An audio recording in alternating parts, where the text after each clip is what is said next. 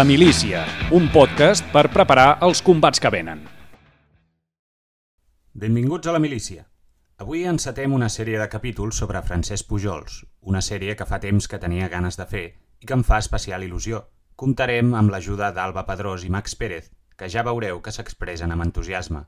Han estudiat Pujols, i no només a ell, sinó també a Alexandre d'Olofeu i altres figures més o menys iconoclastes de la filosofia catalana. El seu desig d'aprendre i d'explicar el que saben els fa uns divulgadors de primera. Qui va ser Francesc Pujols? Humorista, megalòman, periodista, nacionalista, filòsof, gamberro, dramaturg, crític d'art, fundador d'una religió, barceloní, amant de les dones i de les nits, assagista, conservador, poeta, rendista, tertulià... Pujols va ser amic de Joan Maragall, d'Eugeni d'Ors, de Gaudí, de Josep Pla, de Salvador Dalí... Va influir tothom i estava convençut que la seva obra el sobreviuria. La realitat, tanmateix, és que ben pocs l'han llegit a fons i que continua sent, en gran part, un desconegut. Els últims anys sembla que Pujols reviu. Se n'han reeditat alguns llibres i s'han publicat alguns inèdits.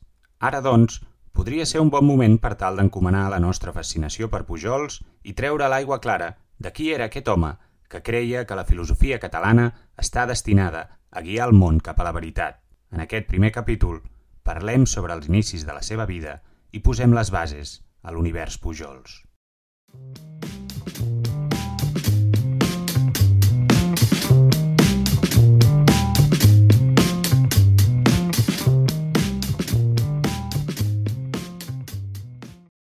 Alba, Max, benvinguts a la milícia. Gràcies. Gràcies, benvingut. Em fa especial il·lusió tenir-vos aquí a la milícia per parlar, a més a més, de, de, un, de tot un homenot com és Francesc Pujols. Eh, faig una breu, breu introducció que em corregireu si, si no està actualitzada. L'Alba Pedrós, ets graduada en Filosofia, màster en Recerca en Humanitats per la Universitat de Girona. Actualment investigues la figura i l'obra de Francesc Pujols i estàs transcrivint i estudiant eh, la seva obra inèdita i en Max, en Max Pérez Muñoz, eh, també graduat en Filosofia eh, i actualment eh, treballant com a investigador contractat per la Càtedra Ferrat Mora i el Departament de Filosofia de la Universitat de Girona i està redactant la, la teva tesi doctoral titulada La filosofia en la construcció nacional de Catalunya. Eh, no Sí. sé si això és correcte. També esteu darrere de mm, força de publicacions que han anat sortint últimament, eh, com per exemple el pròleg de la matemàtica de la història uh, o La meva pell que tu ensenies, obres de, de Francesc Pujols que heu, que heu anat trobant, segur que mm, d'altres eh, d'altres més, i eh, també vau escriure conjuntament un llibre que serà la base d'aquests capítols, sobretot de, de quan emprenguem el, el pensament de Pujols, que es diu Una introducció necessària al pensament de Francesc Pujols, eh, que és un llibre que recomano ja des d'aquí. Qui vulgui seguir la nostra conversa, doncs que, que, que se'l llegeixi perquè val molt la pena. No sé si em deixo alguna cosa que creieu que sigui, que sigui important a destacar. Perfecte. Perfecte. Uh, avui, com deia, mirarem de treure l'entrellat d'una pregunta que sembla senzilla, però que no ho és tant. Qui era uh, Francesc Pujols, l'home? Uh, I en el proper capítol, doncs, com, com deia també, ens dedicarem a, a desbrossar una mica el seu pensament. Però abans d'entrar en matèria, m'agradaria que m'expliquéssiu què us ha dut a Pujols. Per què vau començar a interessar-vos-hi? Què us en va captivar eh, fins al punt doncs, que, que hi heu dedicat eh, bona part de, de la vostra trajectòria professional i, i bé, doncs això, qui, qui, d'on sorgeix aquesta, aquesta fascinació amb Pujols? El tot va començar no amb Pujols, sinó amb Alexandre d'Olofeu, que era un altre personatge interessantíssim de la nostra cultura, del nostre pensament, que en aquell moment eh, jo estava estudiant, eh, jo vaig estudiar, de fet, jo sóc de Figueres i vaig anar a l'Institut Alexandre d'Olofeu, porta el seu nom, però que ningú sap absolutament eh, qui era. I, I llavors em vaig dedicar eh, ja a finals de, de, del batxillerat i en, en, enllaçant-ho amb el que era la carrera de filosofia que vaig cursar després, investigar qui era, llegir les seves obres, etc. De fet, vaig acabar fent el treball de final de grau sobre Alexandre d'Olofeu, precisament, i la seva matemàtica de la història. I en aquesta investigació em vaig topar amb Francesc Pujols, perquè d'Olofeu i Pujols eren molt amics, eh, van coincidir, es van conèixer a l'exili després de la Guerra Civil a Montpellier i, de fet, van construir plegats la matemàtica de la història, la teoria en d'Olofeu. en Pujols hi va posar molta part. I, i clar, tenia la correspondència amb ells dos i vaig veure que Pujol, doncs, clar, era un personatge que m'havia d'interessar si m'havia interessat Deulofeu. Vaig anar gratant, vam anar veient i fins i tot la correspondència donava notícia que Francesc Pujols havia escrit, presumptament, un pròleg a la matemàtica de la història. Un pròleg que, anant a parlar amb els gent que havia treballat, que ho havia vist, especialistes, deien que era un text que no existia, que no el va escriure mai, que era, fins i tot, vam, ens van arribar a dir que era una votada més del senyor Pujols. I no ens ho vam creure.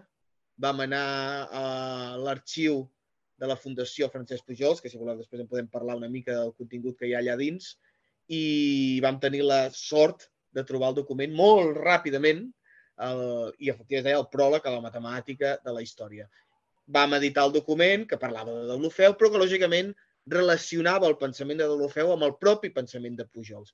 I aquí va ser on la vam liar, perquè vam començar a interessar-nos pel senyor Pujols i ens vam endinsar en la pròpia obra del senyor Pujols per poder entendre aquell text.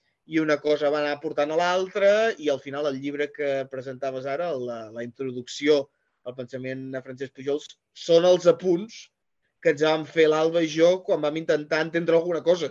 És dir, hem d'anar sistematitzant totes les nostres lectures. D'aquí va venir tot.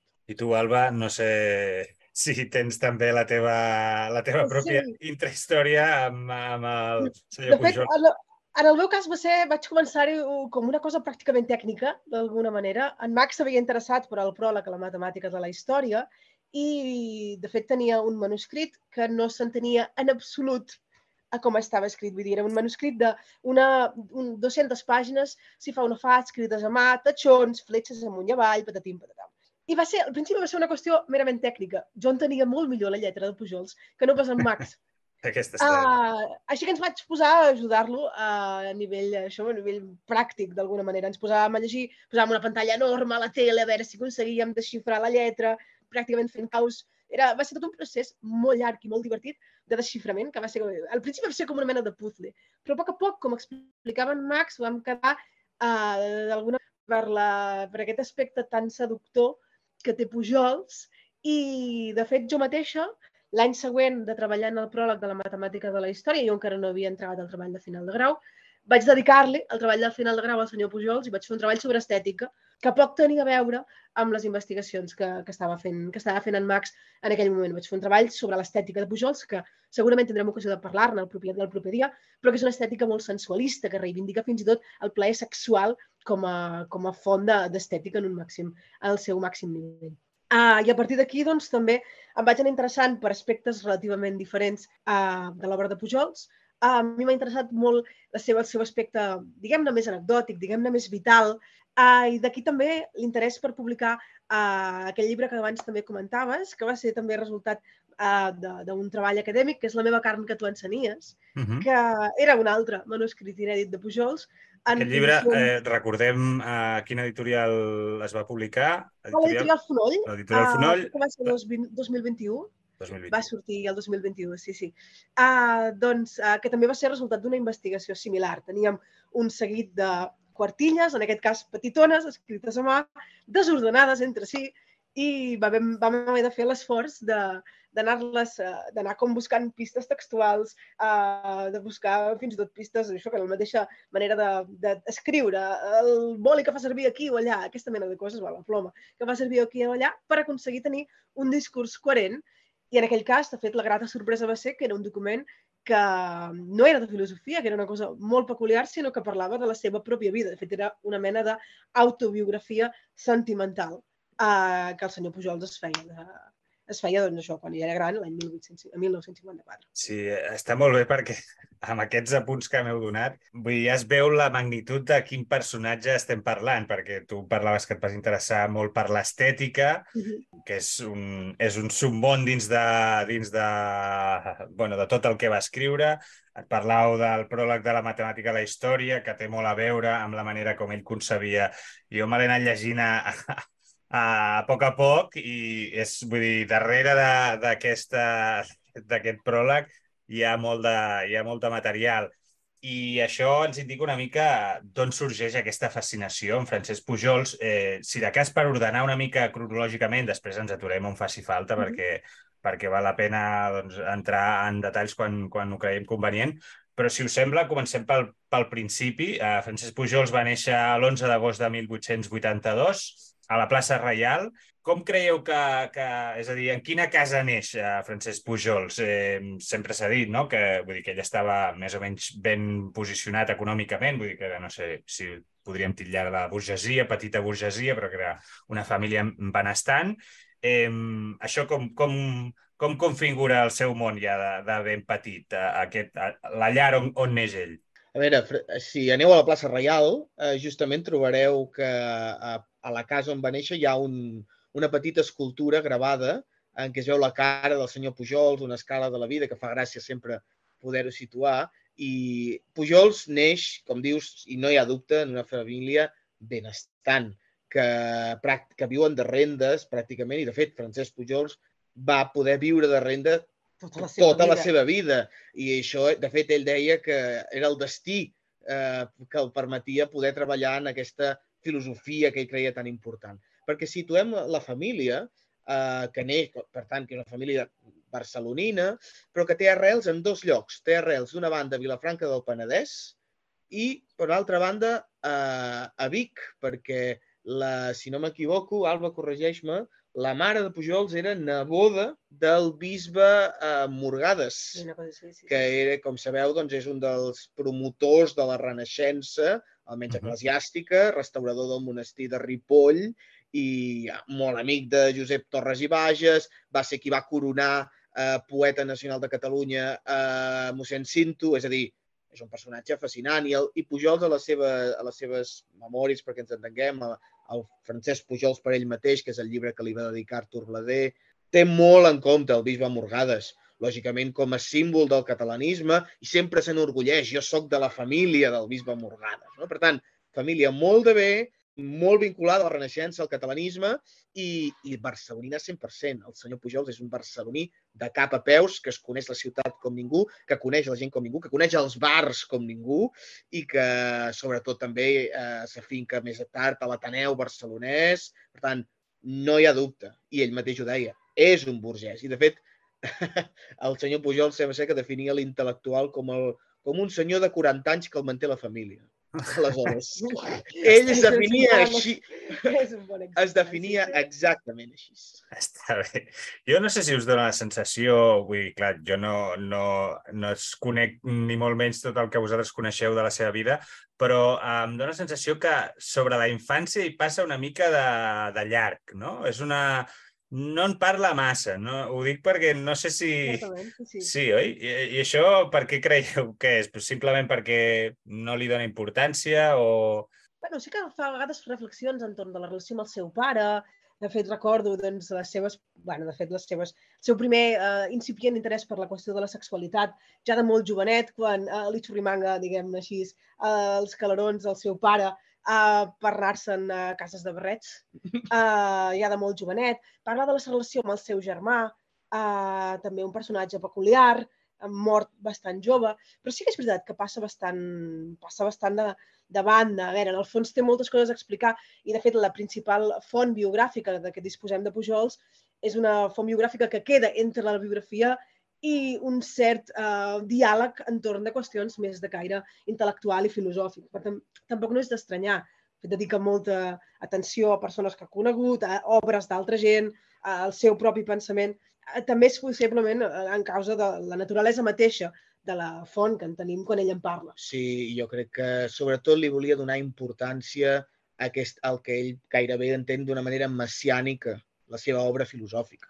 Llavors, la infància és una etapa molt preparatòria, no, Sí. no, no li dona tanta perquè el que és important és quan ja es converteix en un intel·lectual, quan ja està pensant, quan ja és algú, quan ja coneix els seus mestres. I En llavors, tot eh, cas, la infància és important en virtut de que, de fet, eh, serà la seva pròpia família el que li permetrà desenvolupar exacte. el seu pensament quan és adult. És a dir, eh, el fet de tenir d'haver nascut en una família adinerada que li permetrà viure sense treballar pràcticament tota la seva vida i, per tant, doncs, poder-se dedicar al cultiu de la filosofia. perquè ja de molt jove, eh, de fet, Pujols comença a estudiar una cosa, de fet, ho deixa, eh, i comença a relacionar-se molt amb cercles d'artistes, de literats, eh, d'intel·lectuals de la Barcelona de la Barcelona de l'època, estem parlant quan era molt, molt jovenet. També és veritat que al final eh, la versió que ha prevalgut, o sigui, hi ha la versió dels de, de els anecdotaris i, i la, la gent que l'ha explicat quan era adult i al final ha explicat la imatge que ell volia donar, o sigui, ha relatat la imatge que Pujols mateix volia, volia donar de, de si, no? I, i l'altre és el que ell ha explicat a través de, de l'obra aquesta del Bladell de Zumbila, que possiblement és la, la biografia la biografia autoritzada, per dir-ho així, de, de Pujols, però eh, potser no hi ha massa estudis, o potser jo no els conec, eh, simplement, que hagin intentat abordar aquests aspectes eh, de forma sistemàtica, és a dir, de, de, de com va ser la seva infància, no? que hagi intentat estudiar-la de, de, de dalt a baix. No, no s'ha fet una biografia. No s'ha fet una biografia. Clar, perquè ara que parlaves d'això de les relacions familiars, és veritat que ell explica uh, que amb el seu germà no s'hi portava gaire bé, no? que eren... però amb els tractes amb altres membres de la família, no sé ben bé si, si vosaltres sabeu, jo que sé, amb la seva mare o si... Sí. Ho dic perquè de vegades sembla que fes una mica el que, el que li donés la gana i ja des de ben petit. Ara estaves dient no, això no. De, que, de que li robava diners a son pare per anar amb cases de barrets, però clar, en un entorn, com estàvem dient, d'una casa de família benestant, és, sobta una mica no? que ningú volgués posar el noi allò... bueno, eh, ha de ser, el noi ha de ser advocat o el noi ha de ser, suposo que la seva pròpia llibertat individual que, que va fer que potser desistissin, no? Però hi devia haver algun intent, no? Sí, a veure, jo crec que no, tampoc és un tema, insisteixo, eh? no és un tema que, que coneguem que sí, en profunditat, no, no. però un nen mimat. Sí, i devia ser tot un caràcter, també, de fet. Sí. És que ja de jove és un noi extremadament intel·ligent, sensual, artista. Vull dir que, en el fons, no crec que poguessin uh, mantenir-lo gaire a ratlla. Uh, per molt que s'esforcés. No, i, i jo crec que això, que la família podia, d'alguna manera, podia mantenir-lo, i tampoc és que li van donar gaire importància. També és veritat que molt, molt ràpidament, molt ràpidament, accedeix a comptar alt de categoria a Barcelona. Sí. Llavors, d'alguna manera, no, es, no anirà a la universitat, anirà molt poc i ho deixarà, i a la família sí que li va, li va costar una mica d'acceptar això. Per exemple, també ha, quan parla de la seva relació amb el seu pare, explica quan li va dir a Pujols, al seu pare, que volia dedicar-se a la poesia. Clar, i el pare li va dir, home, fill, no sé què dir-te, eh? però, però no li va prohibir.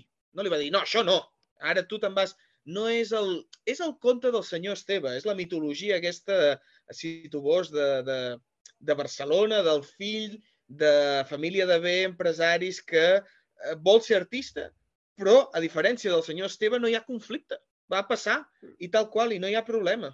Ah, de fet, un altre aspecte potser maco també de tenir en compte en relació amb els seus pares, m'ha vingut ara al cap, uh, és que en un dels episodis més tràgics de la seva vida, que és quan ha de marxar a l'exili, ell portava preparades unes maletes amb documentació seva, però és ben curiós que entre la documentació que ell portava, ell llista les cartes d'amor entre els seus pares que, bueno, dir, no, és una, no és una informació molt rellevant, però en tot cas dona també aquest aspecte humano de la qüestió. No, se'ls estimava. I se'ls estimava, i va, volia conservar, volia endur-se'n amb ell, podent-se endur només una maleta o un bagul, va voler conservar uh, les cartes d'amor dels seus pares.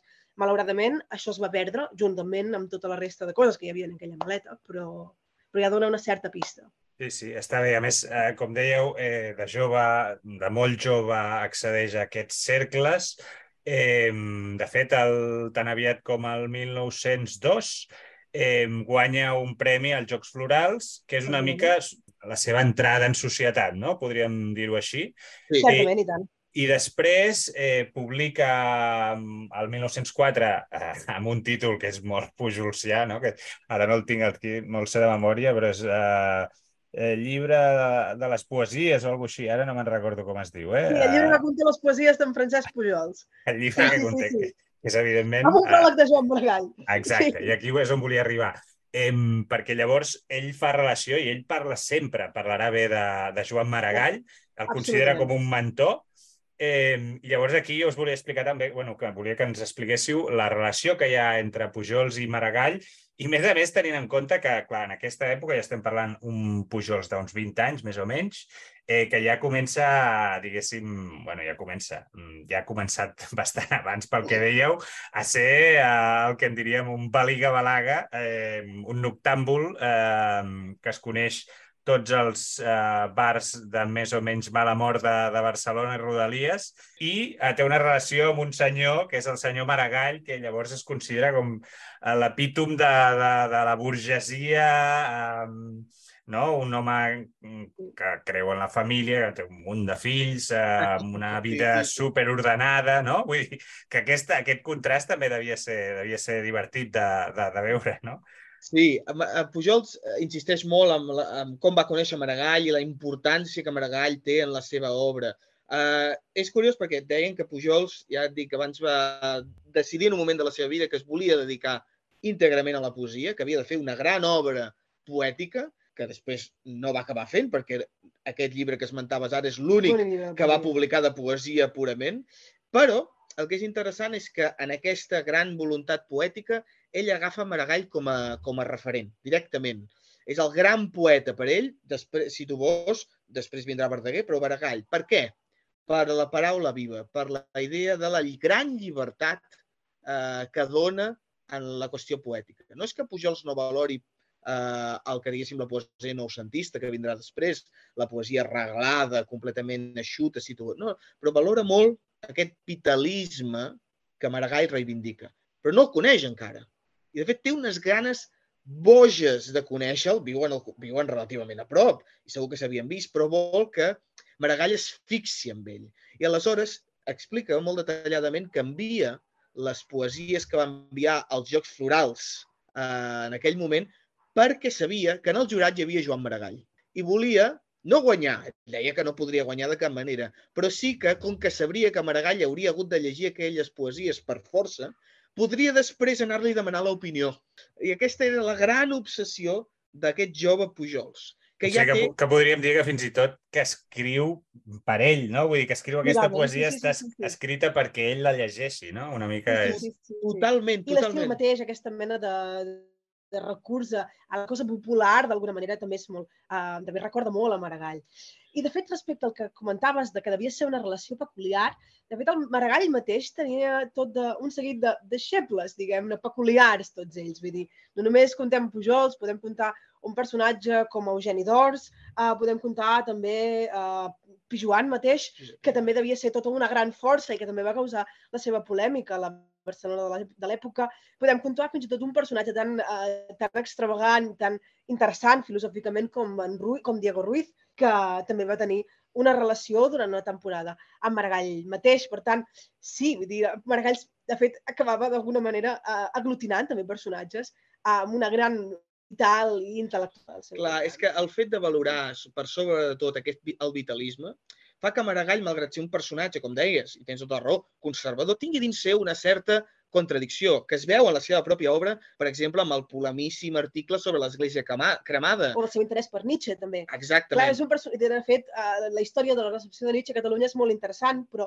al voltant seu s'aglutinaran personatges també doncs, que, això, que, que tenen, uh, que tenen interès en altres corrents filosòfics. Clar, l'interès sí. de Maragall per Nietzsche, però també per Novalis, per, per Schelling, per l'idealisme alemany, eh, però, però inclús, eh, clar, sembla ser per Ramon Llull i, per tant, per tota la tradició pròpia, afecta tota aquesta gent. I les contradiccions de Maragall, que afloren la seva obra, insisteixo, es veuen en la influència també que van tenir en aquests eh, deixebles. És el modernisme, és aquesta relació estranya de vinc de família burgesa, però vull trencar les coses alhora, no? Al fons soc un rebel. Soc sí, un rebel. I... Una cosa molt... Uh, Rossinyol seria l'exemple més d'allò, no? Òbviament, amb qui Pujols també va mantenir una relació molt estreta durant anys. De fet, compartien una tertúlia que es deia La Punyalada, que feien a altíssimes hores de la matinada i que en Rossinyol, doncs, insisteixo, era la part central.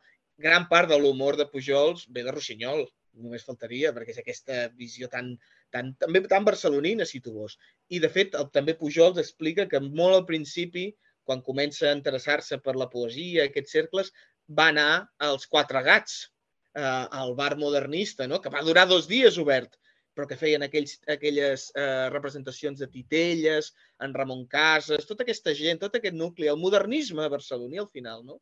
Que són uns pàjaros, tots. Tots. D'alguna manera, Pujols eh, és com si preservés una mica aquesta mena de tradició, diguem-ne, catxonda, diguem-ne, intel·lectual, però divertida, sensual, uh, gamberra, en el fons, Sí. uh, i molt, molt, molt barcelonina, una mica més entrat al segle. Sí, a mi ara se m'acudia, quan m'explicàveu això, que en el fons ell és una mica com un, un punt entre, entremig, no? Entre el, una generació més, més jove, la dels... Potser Sagarra, ara no me'n recordo quin any és, però el, el Pla em sembla que és del 97, vull dir que Sí. són els més... i els més grans, no? O sigui, ell queda una mica Sí. entremig, és que pot recollir una mica això i llavors després també pot exercir aquest... aquest fa aquest, aquesta... aquesta no? És, és potser el que manté més el modernisme dins el noucentisme. Sí. d'alguna manera, perquè Eugeni d'Ors és el que fa com el gran canvi, és el que vol fer la gran revolució, siguent deixeble de Maragall, eh, insisteixo, és el com el que nega el mestre, d'alguna manera. En canvi, Pujols no arriba a negar mai, el manté, no? I, i hi ha les contradiccions amb Pujols i el noucentisme alhora que Pujol també reivindicarà la cultura grega, el civisme, una política conservadora, és a dir, no és un anarquista com els dels quatre gats, però en té moltes coses. Va, parlem una miqueta de la vida dissoluta, no sé si és correcte dir així.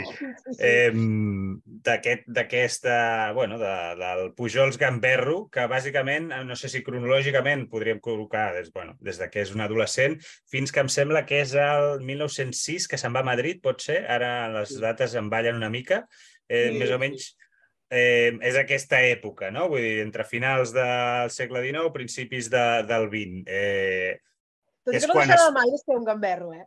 Ah, realment, dir, sí, realment l'etapa en què es dedica més a aquesta mena de coses, i tot una mica més endavant, perquè més endavant serà ell el director del Papito, eh, que és una revista que va començar com una revista humorística, però que eh, quan Pujols estava al davant de la seva redacció, cap a principis dels anys 10, va fer com un gir cap a l'humor eh, cap a l'humor verd, diguem-ne, l'humor eh, eròtic, i ell s'ocupava de la secció de cartes del director i po- portava bona part de la, de la revista. No se deixa d'interessar mai per la qüestió de, de l'eròtica. És cert que en aquest primer moment um, és el moment en què escriu aquestes, aquestes poesies i més endavant escriurà les seves dues uh, novel·les publicades. Una serà La tardor barcelonina, que, que és una mena de novel·la, diguem-ne, surrealista amb la letra gairebé, que és una novel·la divertidíssima, escrita amb un estil sensacional, molt, molt breu, que va ser reeditada cap al 2005. Sí, sí, sí, la tinc, la tinc. És, és, Sí. dir, És dintre del, de l'estil de Puig, vull dir, clar, és una cosa que no té res a veure amb No el té que... res a veure. No, No, no, no, no. I més endavant publicarà El nuevo Pascual o la prostitució, que signarà sota pseudònim, eh, un pseudònim que no, no l'oculta gaire perquè és Augusto de Altozanos, i Altozanos vol dir Pujols, i bueno, uh, no, és una, no és un pseudònim gaire, no. gaire De, de, què, ocult, gaire... de què va aquesta impossible. novel·la de La, el Pasqual? Nova Pasqual. El Nova Pasqual eh, és, a veure, és una novel·la que s'ha d'anar en compte i que és difícil de, de reeditar avui perquè Bueno, s'ha reeditat, però és una, reeditat. és una novel·la difícil de llegir. eh, és difícil, hi ha moltíssima eh, misogínia, que és un tema complex, eh, però, a veure, com la resumiries? És una novel·la també surrealista. Sí, És un personatge eh, que és, un, és una mena de pobre desgraciat sí. que està obsessionat per follar, bàsicament. sí. eh, que ha de ser notari, no recordo ben bé. No vo, vo, però l'obliguen als seus a ser notari. l'obliguen a ser notari i ell no vol ser notari, però la seva obsessió és el sexe.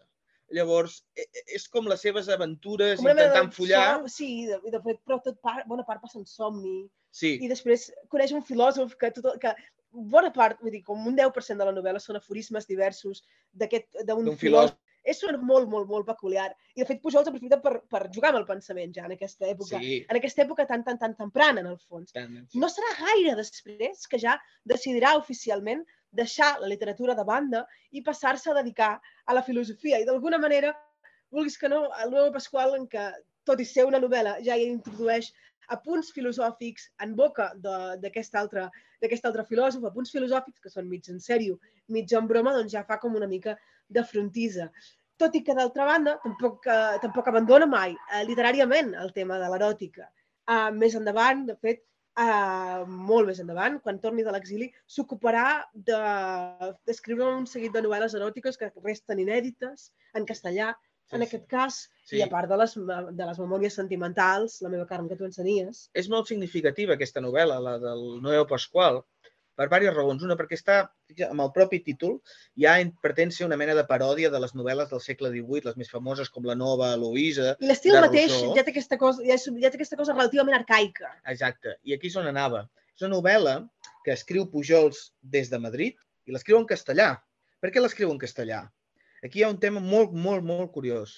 I és que pràcticament uns anys abans s'havia reeditat a Catalunya, eh, millor dit, s'havia traduït eh, el Criterio de Jaume Balmes. Mhm. És un llibre de filosofia d'un filòsof català que no va escriure mai en català eh, la seva vida, pràcticament a part d'uns poemets molt petits. Eh, durant una maniobra del catalanisme, i concretament a Vic, es decideix que el Criterio ha de ser traduït al català perquè mm, és la llengua original de l'autor, malgrat que no l'utilitzés. Això va generar una polèmica brutal a l'Espanya de l'època i, concretament, Miguel de Unamuno, el filòsof, va escriure un article molt sucós defensant que era patètic que els catalans eh, féssim aquesta maniobra i que el que, si de cas, havien d'aprendre a parlar en castellà i, es, i a ca catalanitzar el castellà. Fixa't, no? Dir, heu, podeu, heu d'escriure en castellà perquè és la llengua universal, però l'heu d'escriure amb la vostra manera de parlar en català. Eh? Fixeu, és molt estranya la maniobra. Pensem que Unamuno, a més a més, era basc i, per tant, doncs, tenia coneixement de tota la situació que hi havia també lingüística al País Basc. I és en aquesta polèmica on Pujols s'aferra i publica la seva obra amb un castellà que està ple de catalanades volgudament. És a dir, que, que se juga... n'en fot, no? És una mica com allò que després faria el pla allò d'alquilar silles i d'aquesta cosa, no? Sí, sí, sí. Hi ha, hi ha paraules que fan riure, traduccions literals d'una cosa catalana eh, en castellà que no s'entén. Eh? És, és divertíssim i perquè ja està involucrat, òbviament, ja ell en aquest moment ja és un catalanista eh, de pe a pa, curiós, un catalanista curiós, però ja catalanista, i antiindependentista. Sí, és veritat. En aquesta època també publica aquell, com es diu, el mal de les, del separatisme. El mal Una... del separatisme català. Eh? Per tant, ja s'ha ja començat a interessar per política, eh, però sempre la relació entre el catalanisme, la cultura, la llengua catalana, el pensament català, ja li interessa tot això, no? Però, per tant, tota aquesta visió de l'eròtica, el pensament, a més, en aquest castellà catalanitzat raríssim del projecte d'Unamuno, per d'alguna manera per demostrar-li, i sabem que van tenir relació, eh? per demostrar-li que el projecte d'Unamuno no tenia cap, cap sentit cap sentit per la novel·la. No m'imagino intentant un tio de Madrid llegir el, el Noeu Pasqual i no s'entén absolut. No és que no s'entén. ent- s'entén res, o sigui, has de saber català per llegir aquesta novel·la. No? Sí. De fet, el text eh, del Tomeu Pasqual va donar, te va donar peu a una defensa d'un amic seu, molt amic seu, molt amic seu, que és Rafael Monagas, més conegut com Moraguetes, que de fet era crític eh, musical, va ser escriptor, va ser periodista, i amb qui Pujols va mantenir una relació d'amistat molt, molt, molt estreta tota la seva vida. De fet, eh, al cap dels anys van, van ser plegats a l'exili, eh, tots dos, i van viure els primers anys d'exili eh, junts, eh, sota la protecció de, de Pau Casals. Per tant, de fet, el text de uh, Rafael Moragas, uh, en, defensa, en defensa de... No, no recordo com és. Era un text preciós de defensa, d'alguna manera, d'aquesta llibertat que s'havia pres Pujols en aquest text. Que deia, no, no, no entienden el... No entienden la alegría. No Aquesta entienden- era una de les primeres frases del text. Per- No comprenden és la bona. alegria. perquè- Em va, em va Perquè, entusiasmar aquest text. òbviament, a part de la polèmica catalanista, la novel·la ja ho diu, no? O la prostitució, com et deia, el sexe és omnipresent i Però va... realment no n'hi ha per tant, a No nivell no. d'explícit. Però A, a la nostra època no, però en aquell moment es Però va sí, ser sí. considerada una novel·la pornogràfica i va generar molt de revolt a Barcelona. Pujols era expert en, Eres en crear polèmica a Barcelona. eres menospreciado, mi egregio caballero, no comprenden la alegria, alguna cosa així. es és un text preciós i marca com una mica el principi d'aquesta amistat que s'allargarà tota la De vida. fet, sembla ser que és el moment que Maragall diu hòstia, Pujols, què passa aquí? O sigui, aquí Maragall ja el comença a veure com, com que el fill s'està independitzant Ja. i, i, i no era això, no?, el que jo t'havia ensenyat. és, és, és ben curiós, però és, és aquest Pujols jove eh, Però, fascinant. però tampoc tanca, els, trenca els vincles Maragall amb Pujols. no, eh, mai, diguem. mai, no el trencarà mai, però sembla que Maragall aquella novel·la se la va mirar així una mica com, què, què ha Ens ho passat? podem- Ens ho podem imaginar. Clar, en aquest, en aquest moment, com deies, eh, el, Pujols està a Madrid i passa un parell d'anys, pot ser, una cosa així? A No Madrid se'n no va... no. Però sobre aquesta època també normalment no acostuma a explicar alguna vegada, ja no sé si hi ha alguna anècdota, però mm, tampoc no li dona gens de, de valor, no?, el, el No. pas per Madrid. Eh, ja, sempre dono una, co una cosa important d'aquella època, que diu que estan justament a l'Ateneu de Madrid, eh, perquè anava d'Ateneu a Barcelona a l'Ateneu de Madrid, no? Eh, va ser allà, diu, on va eh, decidir deixar de banda el projecte poètic i passar al projecte filosòfic. Dir, ara jo seré un gran filòsof. I la porta, de fet, d'això és un article que intenta fer sobre estètica. Exactament. La porta d'entrada a la filosofia per Pujol serà l'estètica. Després es passarà a ocupar de tota mena de qüestions i acabarà conformant un sistema complex que cobrirà tots els àmbits. De fet, ja en parlarem el proper dia. Però eh, la porta d'entrada és una classificació de les arts. Exacte. Tot, en el fons, és aquest vitalisme, aquesta obsessió per l'eròtica, per la sensibilitat. Pujol diu, jo ho he exercit, ho conec, ho consumeixo, és la meva vida, però ara necessito entendre-ho. Què és això? Com funciona això? Quin és el mecanisme que fa que ens emocionem davant d'una obra d'art o que, o, que, bueno, o que el sexe ens entusiasmi tant, no només en un sentit mecànic, és a dir, tinc un orgasme i ja està. Això té una traducció espiritual més profunda i ell vol investigar això i això ho decideix a Madrid. És curiós. Sí, és curiós. Bueno, i aquella frase que a mi em va cridar l'atenció del Josep Pla quan va morir, eh, Pujols va fer, bueno, ja està inclòs, no me'n recordo en quin llibre de l'obra completa, però que es diu Francesc Pujol Notes o alguna així, vull dir, una cosa molt... Sí. I que diu, arriba un moment que Pujols vol comprendre de què estan, de com funcionen les coses, no? No me'n recordo com ho diu exactament, però diu això. Vull dir, hi ha un moment que Pujols vol saber per què passen les coses, no? I ve Sí, sí. aquest una mica... eh, I és curiós que, que sigui aquest impuls estètic o de, relacionat amb la sensibilitat, perquè després, a la, la, la següent època, ja quan s'instal·la ja, diguéssim, a l'Ateneu i, i ja comença el, el, la seva fama, diguéssim, ja és, és, es, fa, es fa gran, eh, té molt a veure també amb la, amb la seva relació amb aquesta societat de, de les arts i els artistes, no? Es diuen? Expliqueu-nos Sí. una mica què, Sí. què, qui són aquesta gent. A veure, aquesta gent són els noucentistes, els que acabaran siguent els noucentistes. Pujols, en el moment en què decideix fer aquest pas que dèiem, interessar-se ja per l'art, però des d'un punt de vista conceptual, decideix que es dedicarà a la crítica artística, és a dir, a la filosofia, i quina és la sortida, per dir-ho així, professional que pot tenir l'estètica filosòfica? La crítica d'art. Llavors, ell ja tenia molts contactes, però a partir d'aquell moment, sistemàticament a la premsa, es dedicarà a criticar, en un sentit positiu, les obres d'art, les exposicions, els contactes que tenia directament com a, amb artistes de Barcelona. I es converteix en un interlocutor directe dels grans artistes d'aquell moment, de principis del 1900. Però en tot cas sempre són crítiques artístiques que tenen un contingut filosòfic eh, subjacent eh, molt, molt, molt important. D'alguna manera sempre cla- classifica o qualifica les obres en funció de fins a quin punt eh, s'aproximen al seu ideal de bellesa, que és l'harmonia vivent. Uh, I ell fa servir aquesta mena de termes en un sentit molt peculiar, un sentit que de fet és pròpiament de terminologia filosòfica pròpia, uh, però els aplica, uh, els aplica la crítica artística que publica en aquest diari, publica aquesta revista i tal i qual. I aleshores, uh, de fet, bueno, quan estava fent el treball de final de grau va ser tot un esforç d'anar anar buscant, a veure, però què vols dir quan dius això? I eventualment vam acabar localitzant, entre d'altres, uh, un plec absolutament enorme de documentació, uh, de, de fet, d'article, de coses sobre estètica, un plec de papers, que no exagero si fa mil pàgines, uh, sobre estètica, en què discuteix tota aquesta mena de qüestions i en què dona una mica la clau uh, de la qüestió de, de la seva manera d'avaluar l'art. Ell acaba concloent, uh, prenent la definició de Milà i Fontanals, que la bellesa és harmonia vivent, entenent per vivent uh, que inclogui un cert grau de desviació respecte a la perfecció.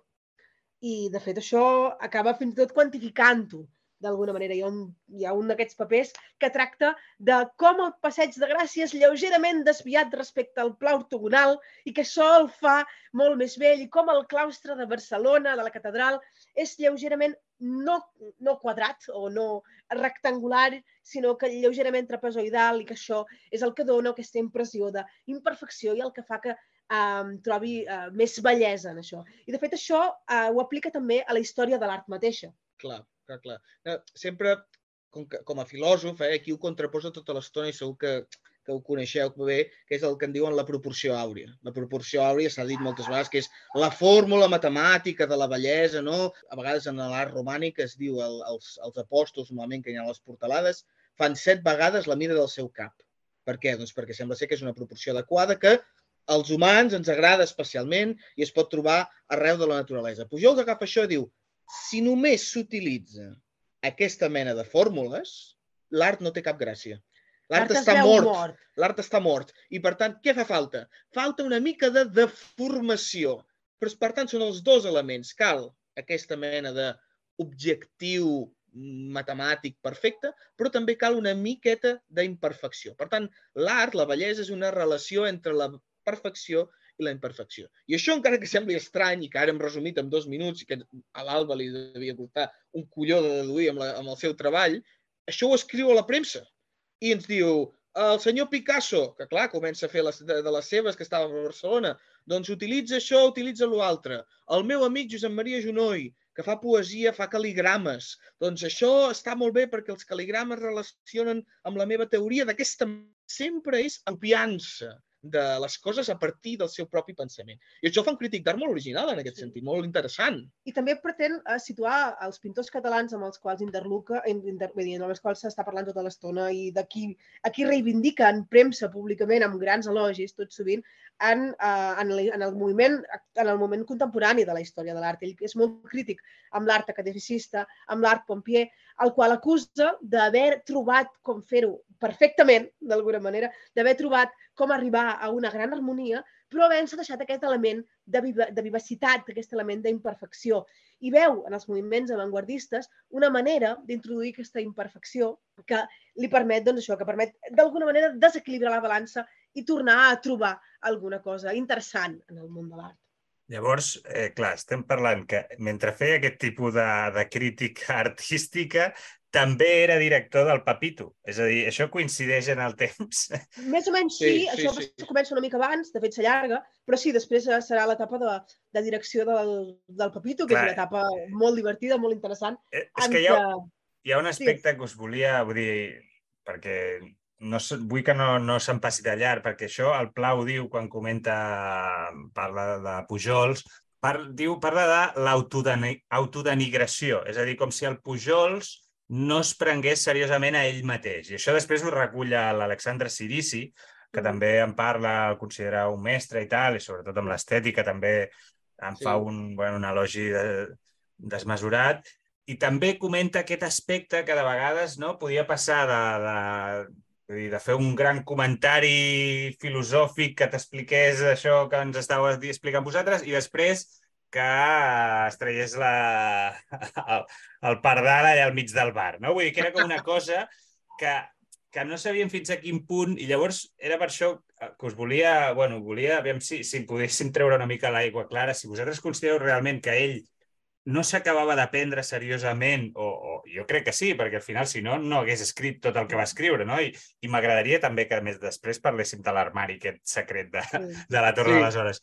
Però, però d'altra banda era com si la seva imatge, la, el que volia projectar, estigués més lligat, potser més això, amb la rebentada, amb el... no sé, eh, a què, a què, ho, de, a què ho, ho relacioneu vosaltres, que fes aquesta cosa, com aquest exercici de que no se'l prenguessin els de fora seriosament i no? Era com una, com una mena de, de defensa o en què, a què ho atribuïu vosaltres? Més que buscar-li motius d'aquest tipus i més que considerar que s'estava autodenigrant, jo crec que Pujols és una persona amb un grandíssim sentit de l'humor. Eh, un grandíssim sentit de l'humor i una gran consciència de la funció de l'humor. Uh, de fet, hi ha un moment donat, el concepte general de la ciència catalana, ai, el concepte general, bueno, el concepte també, que tracta sobre l'humor uh, com a una eina pedagògica i és una idea que després repeteix el Francesc Pujols per ell mateix. És una manera d'entrar fàcilment. I després ja, rient, dient, hi ha una frase, això, com diuen, rient, rient les anava dient. Doncs això mateix. Jo crec que en Pujols això és molt clar. Uh, crec que aquí també s'hi ajunta un factor, que és el factor del que recordem i el que no recordem. Efectivament, és molt més fàcil que quedi apuntat o que quedi en la memòria popular el Pujols anecdòtic, que és un Pujols que, de fet, eh, sovint eh, s'ha venut aquesta, el debat entorn de la recuperació de Pujols com una certa oposició entre el Pujols anecdòtic i el Pujols seriós o el Pujols intel·lectual. Jo crec que no són els termes adequats de mirar-se la qüestió, perquè Pujols era un bromista, Pujols era un un sentit de l'humor absolutament eh, desorbitat, però com a manera d'explicar altres coses, però com, una, com un mitjà.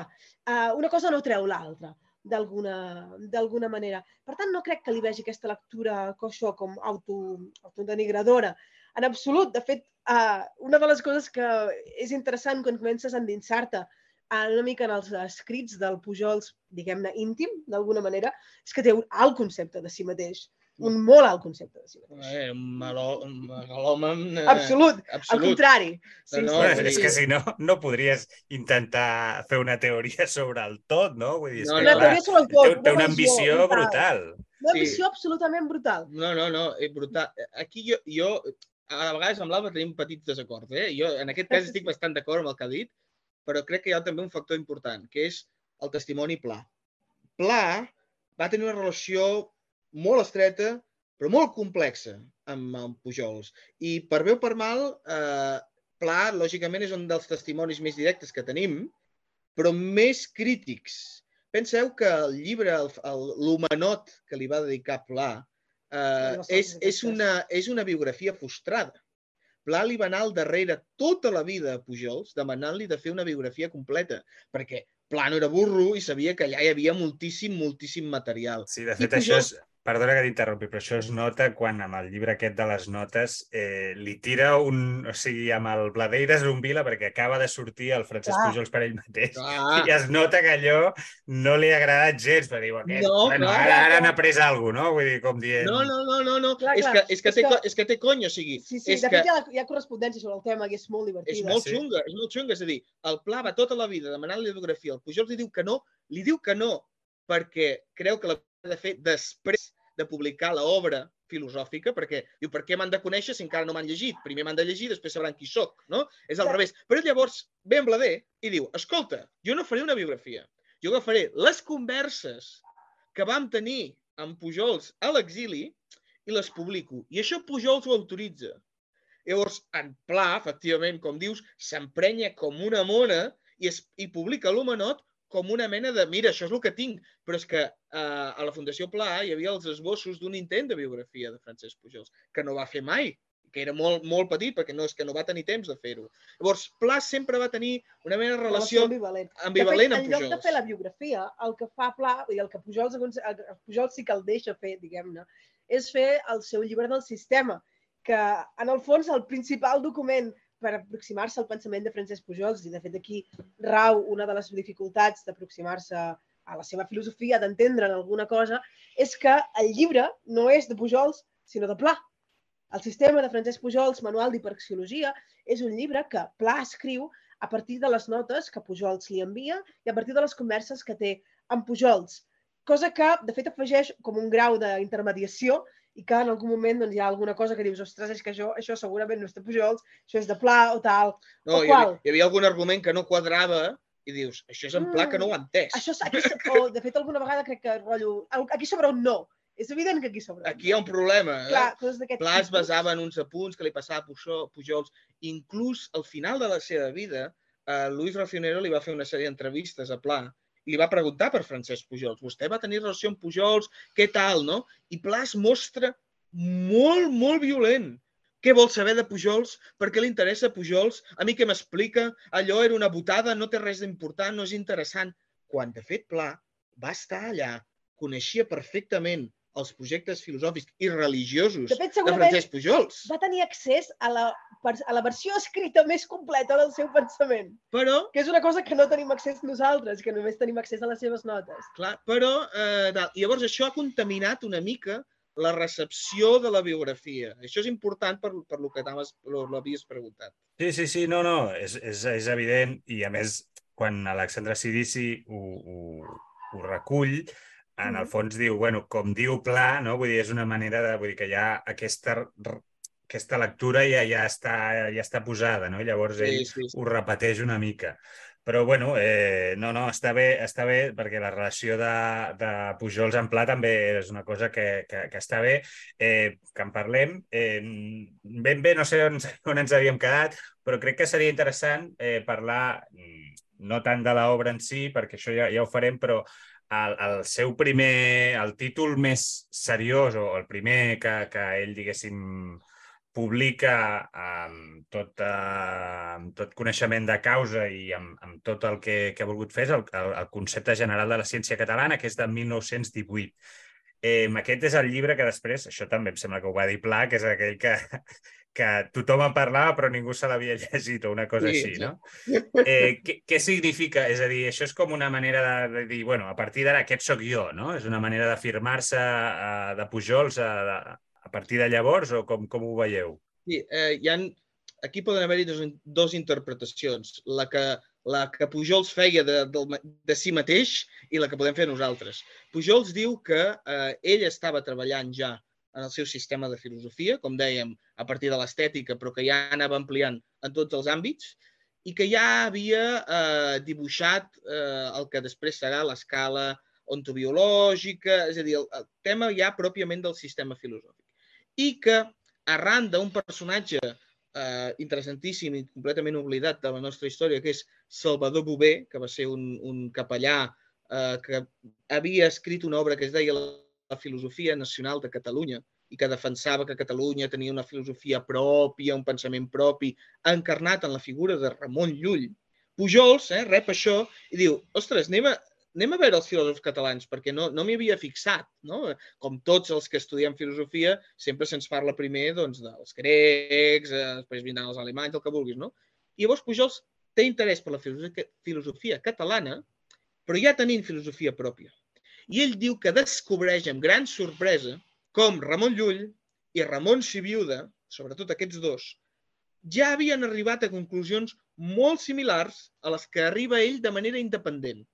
Llavors, és aquest gran xoc, diu ell, aquesta gran sorpresa, el que l'indueix a pensar i si efectivament, com defensava Salvador Bové, els catalans arribem sempre a les mateixes conclusions filosòfiques, fins i tot quan no ens llegim mútuament, fins i tot quan no ens parlem, quan no ens coneixem. I això és el concepte general de la ciència catalana. És uh, la investigació que fa Francesc Pujols sobre la història de la filosofia als països catalans. Però alerta, per arribar a la conclusió que els filòsofs catalans arriben a la mateixa conclusió que Pujols. És a dir, que tots hem acabat deduint el sistema que Pujols en aquest període en diu sumpèctica. Seran és, les conclusions filosòfiques del seu que sistema. És el, el llibre, aquest el concepte, és d'on surt aquella frase que diria que és de les més famoses que, que recorden, que és que arribarà un dia que els catalans només per fet de ser ho tindrem tot pagat i tot això, efectivament. no? Sí, efectivament. Efectivament, sí, sí. efectivament. Per tant, aquesta, de fet, aquesta frase, per posar també en, en context als oients, és perquè els catalans estan en una posició privilegiada per trobar la veritat i només en virtut d'haver trobat la veritat futur, el futur, per haver pogut arribar a la filosofia veritable, serà que ho tindran tot pagat. Efectivament. Sí que ho tindran tot pagat pel, fer, pel fet de ser catalans, però pel fet de fer filosofia. Sí, també. sí, han de ser els, els catalans filòsofs, eh? Així ho tenim més o menys bé. Perquè ens entenguem. Clar, per això us interessa ell, tant la figura de Pujol, no? Entenc que els altres dos... Clar, exacte. Ell ho compara tota l'estona amb els jueus, perquè deia, si, el, si li haguessin dit a un romà, eh, d'època romana, de l'imperi romà, que el, el pensament dels jueus, és a dir, el que acabarà siguent després del cristianisme evolucionat, dominaria el pensament d'Occident durant segles, s'hagués enrigut de tu a la cara Vull dir, primer, els jueus no sé ni qui són. I segon, si m'expliques qui són, són un poble completament minoritari, eh, eh totalment subsidiari a l'imperi. No? Diu, això és el que passarà als catalans, perquè els catalans hem arribat ja a descobrir la veritat. El que passa és que la història té els seus eh, cicles, les seves complexitats, però arribarà el dia en què els catalans ho haurem, ho haurem aconseguit. Això és una interpretació de Pujols del llibre, d'acord? Que, òbviament, el ser l'autor pot ser molt poc eh, objectiva, la interpretació que jo n'he ofert a la meva tesi doctoral és que aquest és un llibre que s'emmarca completament en un gènere historiogràfic que he anomenat historiografia nacionalista de la filosofia, que consisteix en crear històries filosòfiques per justificar que els catalans tenim una certa identitat nacional, especialment per diferenciar-nos de la identitat espanyola. això no és una cosa que s'inventa Pujols ni que s'inventa Salvador Bové, sinó que Torres i Bages ja havia inaugurat amb la seva tradició catalana i un munt d'altres autors que tenen un debat des de finals del segle XIX fins a Pujols i una mica més tard. Per tant, és un llibre que avui ens sembla estranyíssim, però que està emmarcat en un, en un debat molt complex que també s'estava vivint a la Universitat de Barcelona en aquells mateixos moments. Per tant, Pujols, amb això, vol donar a conèixer la seva filosofia, justificar-se en la resta de la història de la filosofia dels països catalans, però també convertir-se en un interlocutor vàlid a Catalunya, un interlocutor filosòfic. Ara que estaves parlant que ell es volia esdevenir un interlocutor vàlid, una mica més tard eh, apareix un llibre que també, mirat així amb la... estem parlant del 1926, en, en plena dictadura de Primo de Rivera, que no té gaire a veure amb la filosofia... O sigui, ell fa la història de l'hegemonia catalana dins de en la política espanyola, no? I llavors de cop i volta explica que en realitat eh, bueno, els catalans eh, som els que tenim la idea liberal, la constitucional i els que l'hem portat a Espanya i que, i que això ho expliqui enmig d'una dictadura més o menys eh, perquè al principi crec que hi tenen unes certes esperances el, els catalanistes de la Lliga i tal, de que, de que podria mantenir una certa... bueno, un, amb, amb l'idioma i tot plegat el podria respectar i després això es veu que no, que no és així, però que Pujol surti amb aquest llibre, no sé, que ell no en té de vocació política en si, no? però, però sí que vol influir. És a dir, sempre s'ha parlat de que té una influència sobre, sobre molts escriptors, eh, però sobre la política en si, tu, per què creieu que en aquell moment publica un llibre així? No? Vull dir, perquè, quin, quin interès pot tenir? Ell, aquest segon llibre que deies, l'hegemonia, eh, com, és el que ell considera com el segon concepte. No? Que ell, el primer concepte és la història de la filosofia, és el concepte filosòfic, però ara aquest és el concepte eh, polític. És una mena de com versió estranya. En els papers inèdits, que ja en parlarem més endavant, té un altre concepte dedicat al dret. Uh, I fins i tot deia, i està acabat, eh, és un llibre acabadíssim, a més també deia que volia escriure un sobre, sobre l'art català, és a dir, que mm. havia de ser una mena de trilogia o quatre uh, més complexos. Sobre l'hegemonia en concret, efectivament, ell no es va ficar en política en un sentit directe, no, no, no es va presentar mai a cap eleccions, es va en un partit polític en un sentit estricte, però sí que no amagava en cap moment la seva, la seva orientació política completament conservadora, catalanista i de la Lliga. Ell era un furor de Cambó. Ell defensava inclús Cambó com a líder espiritual i polític de Catalunya, és a dir, d'una manera bastant bèstia. Però, clar, sempre des de la seva, des de, per dir-ho així, la regència intel·lectual de Pujols, perquè ell és el que podia donar les claus veritables de la filosofia. Aquest llibre, a més a més, l'hegemonia, com dius, al final, els últims capítols, són una apologia de Primo de Rivera, completament. Uh, és, un, clar, és un llibre que està, com deies, escrit en aquell moment que la Lliga, que és qui en el fons promou uh, el cop d'estat a Catalunya, uh, pensen que els pot anar molt bé. I per què tot això? Doncs perquè Pujols estava, com hem dit al principi, era antiindependentista català, tenia una visió molt poc, eh, perquè ens entenguem, folclòrica de la cultura catalana i concebia que la missió, en termes messiànics, eh, de Catalunya era dominar Espanya, però no políticament, no només políticament, sinó també i sobretot filosòficament, intel·lectualment.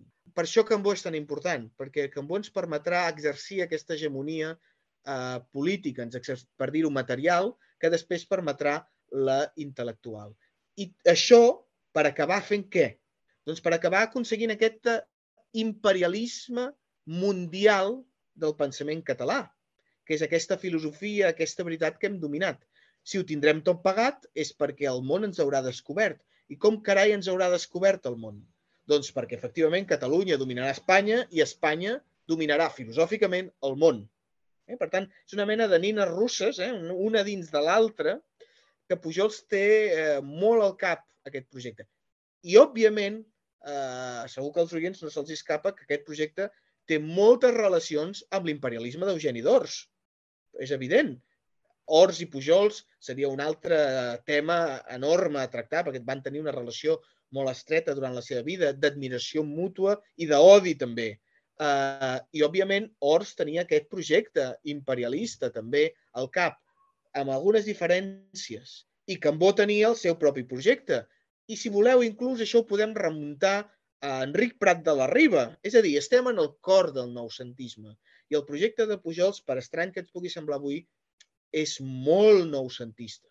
El que passa és que li dona aquest toc intel·lectual, filosòfic, l'olià, que no li donen tots els altres. Per tant, eh, és un llibre que sí, és, és, és, avui fa una mica de tristesa de llegir, per, sobretot per aquestes apologies a la dictadura, però és que Pujols no es va amagar mai de...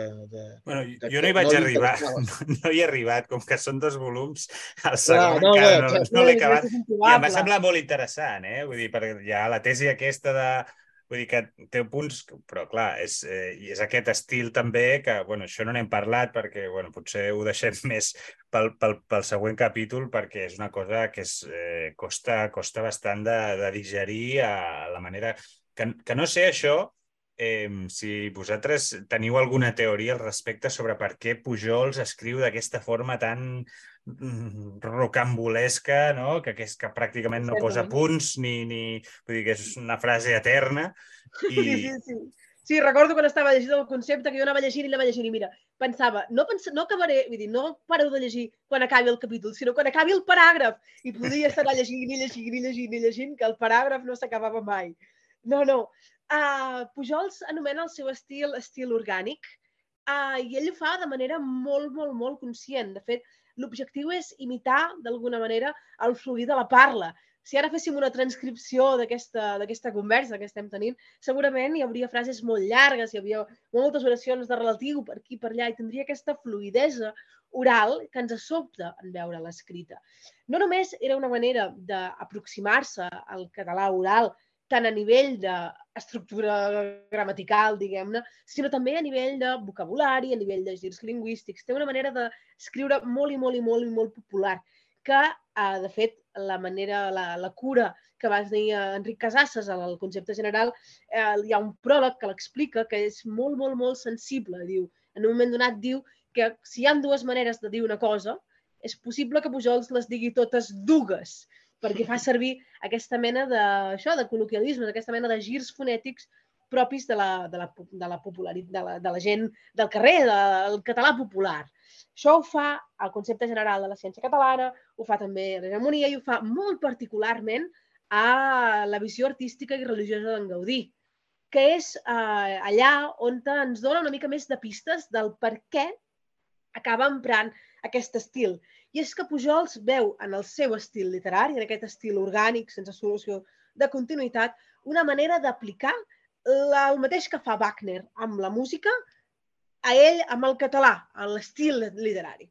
Sí, sí, és, és, és bestial, és bestial i quan en aquest llibre que deia l'Alba, perquè Pujols va tenir una relació molt, molt estreta també amb Gaudí i el va reivindicar molt al llarg de la seva vida, quan no ho feia ningú, quan en Gaudí encara era una mena de marginat dins de Catalunya i quan els noucentistes se'n reien de, de Gaudí, eh, diu que en el fons l'estil orgànic també és gaudinià, Sí. és fer aquesta sagrada família que fixem-nos que imita la vida, no? imita la organicitat dels arbres, l'organicitat un de les pedres. que parla de les gallines de la Sagrada Família, que hi ha aquesta mena de, de, de cosa orgànica, de cosa popular, de Jo- cosa que, que el pagès passarà per davant i s'hi veurà reflectit. Clar, és, té un toc, té un toc de romàntic, en el sentit del Sí. romanticisme, no? Però el Mhm. romanticisme, i no és estrany que citi Wagner aquí, el romanticisme que tenia aquesta visió de la natura que produeix de manera espontània la vida, no? Llavors Pujols diu, no podem escriure eh, de manera eh,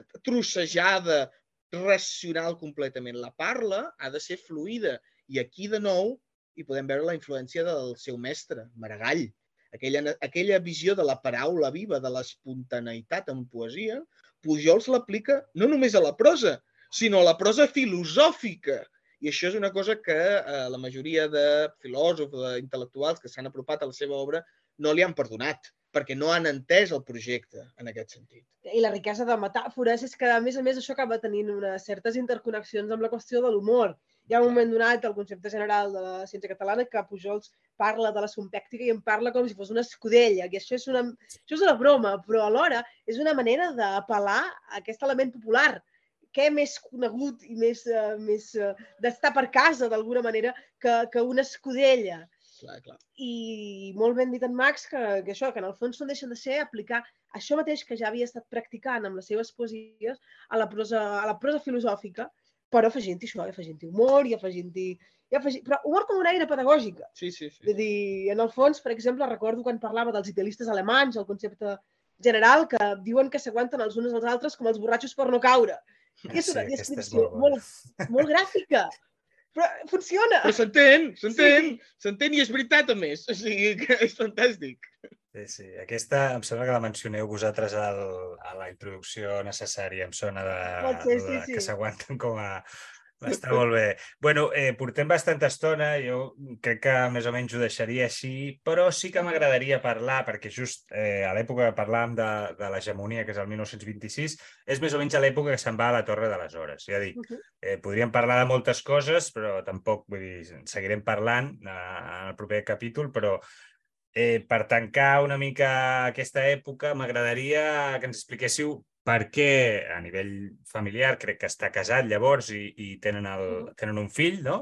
Eh, ens expliqueu una mica com sorgeix aquesta, aquesta relació també. Eh, I després què significa ben bé la Torre de les Hores, que acaba sent gairebé com, una, com un temple, no? També, eh, perquè és, és com el, la seva església, no? Fill, lo de família... és- Ah, sí, de fet, ell, Pujol, se- s'acaba casant amb una persona que, de fet, havia sigut del servei de la seva família, que és Josepa, Josep Alcover, i és amb ella que tindrà el seu únic fill, que de fet posarà per nom, com és eh, un bon nom per un filòsof, uh, li posarà Faust Pujols. Aleshores, efectivament, l'any 26 es decideix traslladar a Martorell, ja com en vistes d'encaminar-se més seriament cap al cultiu de la, de la filosofia. Fins aleshores encara això havia anat combinant molt eh, tota la seva uh, obra bueno, filosòfica amb obra articulística, amb encara alguna crítica, ja en aquella època no gaires, però amb una vida social molt activa, vida de penyes, vida d'amunt, vida d'avall, i decideix ja fer aquest primer pas, que és traslladar-se a la Torre de les Hores per dedicar-se al cultiu seriós de la filosofia. Pujols, al llarg dels següents anys, següents anys amb el petit parèntesi de l'exili, eh, cada cop estarà més reclòs a la, seva, a la seva torre de les hores i cada cop més entregat a la seva obra filosòfica. En el fons és com una mena de, de compromís al traslladar-se. compromís que portava fins a les últimes conseqüències. És a dir, el senyor ho va anar deixant però, a poc a poc, però va deixar d'anar assistint a aquestes penyes, a aquests, eh, aquestes eh, converses que dèiem que tenien a les altes hores de la matinada. I per què Martorell? Martorell perquè és on la seva família ja tenia, Ja tenia unes terres, unes propietats, unes vinyes, que de fet els permetien viure de renda. Llavors, ell això sempre i també li agrada molt, no? Jo vaig a la font de, de, de, de la riquesa de la meva família, que de fet és el que em permet eh, fer filosofia, és a dir, poder, poder eh, treballar eh, amb diners, diré que no he de, diguéssim, no al revés, no treballar Sí. per guanyar diners, sinó eh, treballar No, tinguent diners. Com Ai, deia? sí, ell, fa, ell fa molt mal. Uh, la major part de gent ha de treballar per viure, uh, no, ha de tenir diners, Ha uh, de, ha, tenir diners no, per diu, treballar. ha la, de- gent ha de treballar per tenir diners. Sí. Diu, jo és al revés, per treballar necessito diners. Sí, exacte. eh? perquè el filòsof necessita què? Estabilitat econòmica, però també tranquil·litat, apartar-se de la ciutat, apartar-se del, del bullici on ell havia estat, que era el lloc on, on més passió havia posat, no? Però no, no, com diu l'Alba, agafa un compromís de dir jo sóc el Masies del futur, perquè cada vegada és més conscient de que la seva tasca, hem dit, va començar per la poesia, segueix per la filosofia, però va agafant consciència de que la seva funció al final és religiosa. I per tant, que ell és el fundador i farà, fundarà una religió pròpia i per tant necessito calma, necessito tranquil·litat, necessito allunyar-me, inclús si vols, de, de l'eròtica, d'aquella passió desbordada, d'aquells bordells on anava ell, i en el fons, no fotem, o sigui, es va casar amb la minyona i es va casar amb la minyona de casa perquè la va deixar embarassada. Què, És a dir- què, què en sabem d'aquesta d'aquesta minyona, de la Josepa, com has dit que es deia? Josep Alcover. Alcover. El Josep Cuber. Alcover. Què, què en sabem a banda de- de- d'això? Eh, Doncs, malauradament, de fet, una de les coses que em va xocar quan estàvem fent la, la meva carn que tu ensenies, que va acompanyada amb una mica de biografia, tots aquests uh, personatges de qui Pujols parla, malauradament és molt difícil fer biografies de dones uh, pràcticament anònimes, com és el cas de Cuber. De Josep Alcover en té un retrat, en sabem el que n'explica Pujols, però pràcticament res més. Uh, sabem que Pujols, uh, de fet, en el moment en què es casa amb ella, deixa enrere, d'alguna manera, aquesta uh, vida uh, celebrada d'anar uh, d'anar amunt i avall a fer festes per aquí i per allà, però també de tenir múltiples amants i amb històries molt interessants, totes elles. Deixa enrere això per fer aquesta, per fer aquesta obra i per centrar-se en la seva relació amb Josepa Alcover. Ell introduirà en aquesta obra, La meva carn que tu ensenies, ell introduirà una certa distinció entre dos tipus d'amor, l'amor espiritual i l'amor material. I diu que Josep Alcover va satisfer-li completament l'amor material, és a dir, bueno, que, que llit funcionava molt bé El i que sexe. s'estimaven i, i ja està. Clar, eh, Però poca cosa més en podem saber d'ella. Ella mor relativament, relativament d'hora, mor durant la guerra durant la guerra civil i sí que uh, Francesc Pujols per ell mateix, Pujols explica que se'n dol molt de la seva mort. De fet, la mort de, la, de Josep Alcover coincideix pràcticament en el temps amb la mort de la seva mare i és un període trist de la seva vida. Però, però a part d'això, respecte a la seva pròpia, pròpia vida, poca cosa en podem saber. no. Bé, llavors, uh, per acabar ja... És que em sembla que... mm, Diria que és el pla, que ja sé que no és la referència, però parla molt d'un armari o d'una habitació on hi han documents que, que el, el? Pujols va amunt i avall i obrint aquell armariet tot ple Sí. de papers i vosaltres hi heu estat. Bueno, no, clar, suposo que molts papers després es van perdre, eh, justament quan ell va a l'exili es van perdre, però tot i així, vosaltres heu anat mm, trobant un munt de coses. Ara més em- m'estaves dient que, que hi ha un llibre sobre el dret català, com una mena d'hegemonia del dret català, que està sencer, vull dir que i allà van sortint, és com si fos un, un pou sense fons, no? Sí, sí, Vosaltres sí. Ha, que- ha, hem fet un inventari d'aquest fons. Sí, incomplet, però in- funcional. inventari hi ha 30 obres inèdites. És a dir, que de Pujols en tenim per molt de temps, si volem. Uh, el problema, de fet, serà publicar-ho, poder-ho poder anar traient, perquè són moltes hores, són moltes hores de feina i, a més a més, doncs, editorials valentes que, que vulguin treure. L'interès doncs, eh, és enorme. Hi ha de tot. Hi ha filosofia, hi ha, però també hi ha obres de teatre, també hi ha novel·les, eh, és que és, és, és espectacular. Hi ha textos religiosos, perquè després ja en parlarem, suposo, al següent capítol així, de la seva missió religiosa, és a dir, és molt complex. I, efectivament, ell tenia la, diguéssim, la, la convenciment que aquelles obres que ell estava escrivint allà es salvarien i es publicarien el dia de demà. Jo tinc una hipòtesi eh, que publicaré, si tot va bé, aquesta tardor, que sortirà un llibre que he dedicat a la relació entre Pujols i Dalí, i que és que Pujols explica de primera mà i Dalí ho confirma que Dalí tenia el projecte de publicar aquestes obres inèdites i les volien publicar traduint-les a l'anglès a Nova York. Això no va passar mai.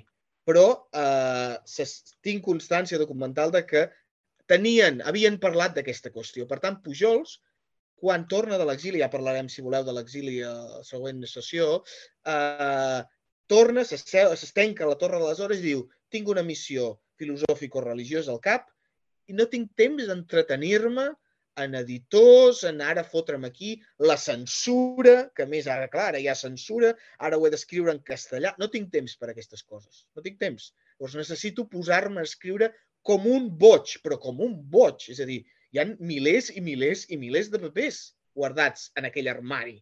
Estem parlant d'unes 30 caixes mm, Ah, Com, un, com si fossin dues o tres caixes de sabates sí, molt grosses. Eh? Per És a tant, dir, caixes grosses, totes plenes de papers. tot ple de paper, Tot completament és, és desordenat. manuscrit, tot manuscrit. Tot Tot manuscrit. manuscrit. És que- Excepte algunes notes que el mateix eh, fill va transcriure, però que són comptadíssimes. Tot és manuscrit. Uh, vull dir, estem parlant d'això, és que estem parlant, jo què sé, centenars de milers de papers. No, no, és És una una, cosa absolutament és- desmesurada. és una bestiesa. És una Ah, bestiesa. de fet, ah, una de les coses que més ens va xocar són un seguit de punts sobre ètica, estètica i dialèctica que daten, si fa o no fa, de l'època del concepte general, que abans, com et comentava, que van al voltant de mil pàgines cadascun. És brutal, és brutal. O sigui, i jo crec que és Era, això, que és era el... un plec de papers, estava lligat amb un cordill, com si fos, no sé, és que com, no sé què, havia, què semblava que hi hagués d'haver-hi guardat, però tot allò era papers escrits. És una cosa impressionant. És filosofia. És la, en aquell cas és filosofia pura, Sí, sí. però és que hi ha de tot. Tenia aquesta missió, com que seré una persona tan important, ja ho estudiaran. Inclús afegeixo que, de fet, Dalí, quan mor Pujols, pacta amb el fill de Pujols, amb en Faust Pujols, de traslladar aquest armari i tota l'habitació on hi ha aquest armari a Figueres, a la torre, al que serà la Torre Galatea, una part del seu del Museu Dalí, per crear un centre d'estudis per transcriure i estudiar l'obra de Pujols. Això era el projecte també de Dalí, quan va veure que Pujol ja s'havia mort i que no podia publicar a Nova York. Però això tampoc Tampoc no es va arribar a fer, malgrat que tenim la, la certesa documental de que existia el projecte. De fet, en el, la fundació, quan es funda la Fundació Dalí, Faust Pujols és patró. I és patró perquè Dalí li vol posar perquè vol que aquests papers no es perdin, perquè tot això es pugui guardar bé. I per sort, malgrat que s'han perdut coses eh, pel camí, eh, per sort doncs, tenim eh, la Fundació Francesc Pujols de Martorell que s'ha dedicat a inventariar-ho, això ho hem fet nosaltres, sinó a poder conservar aquells papers dignament, esperant a, a algú com l'Alba que pugui llegir la lletra eh, directament i que puguem editar aquestes obres que, si tot va bé, doncs, hi fem una mena de crida, eh, si vols, eh, que busquem gent que ens pugui ajudar a, a, a treure-ho. Ara traurem aquesta monografia del Dalí Pujols, però hi ha moltes altres obres inèdites, moltes, 30. I per què no, si trobem algun mecenes eh, que hi estigui interessat, des d'aquí doncs, també l'animem a, que, a que pugui finançar tot això, que al final és temps, i el temps, com sabem, costa diners. Eh, jo ho deixaria per aquí, és fascinant, m'hi passaria molta més estona, però des, posarem una pausa i ja, ja seguirem, seguirem parlant de, de Pujols i de, i de tot el que significa. Eh, moltes gràcies i fins a la Gràcies. propera, que serà, espero, ben aviat. Gràcies. Gràcies.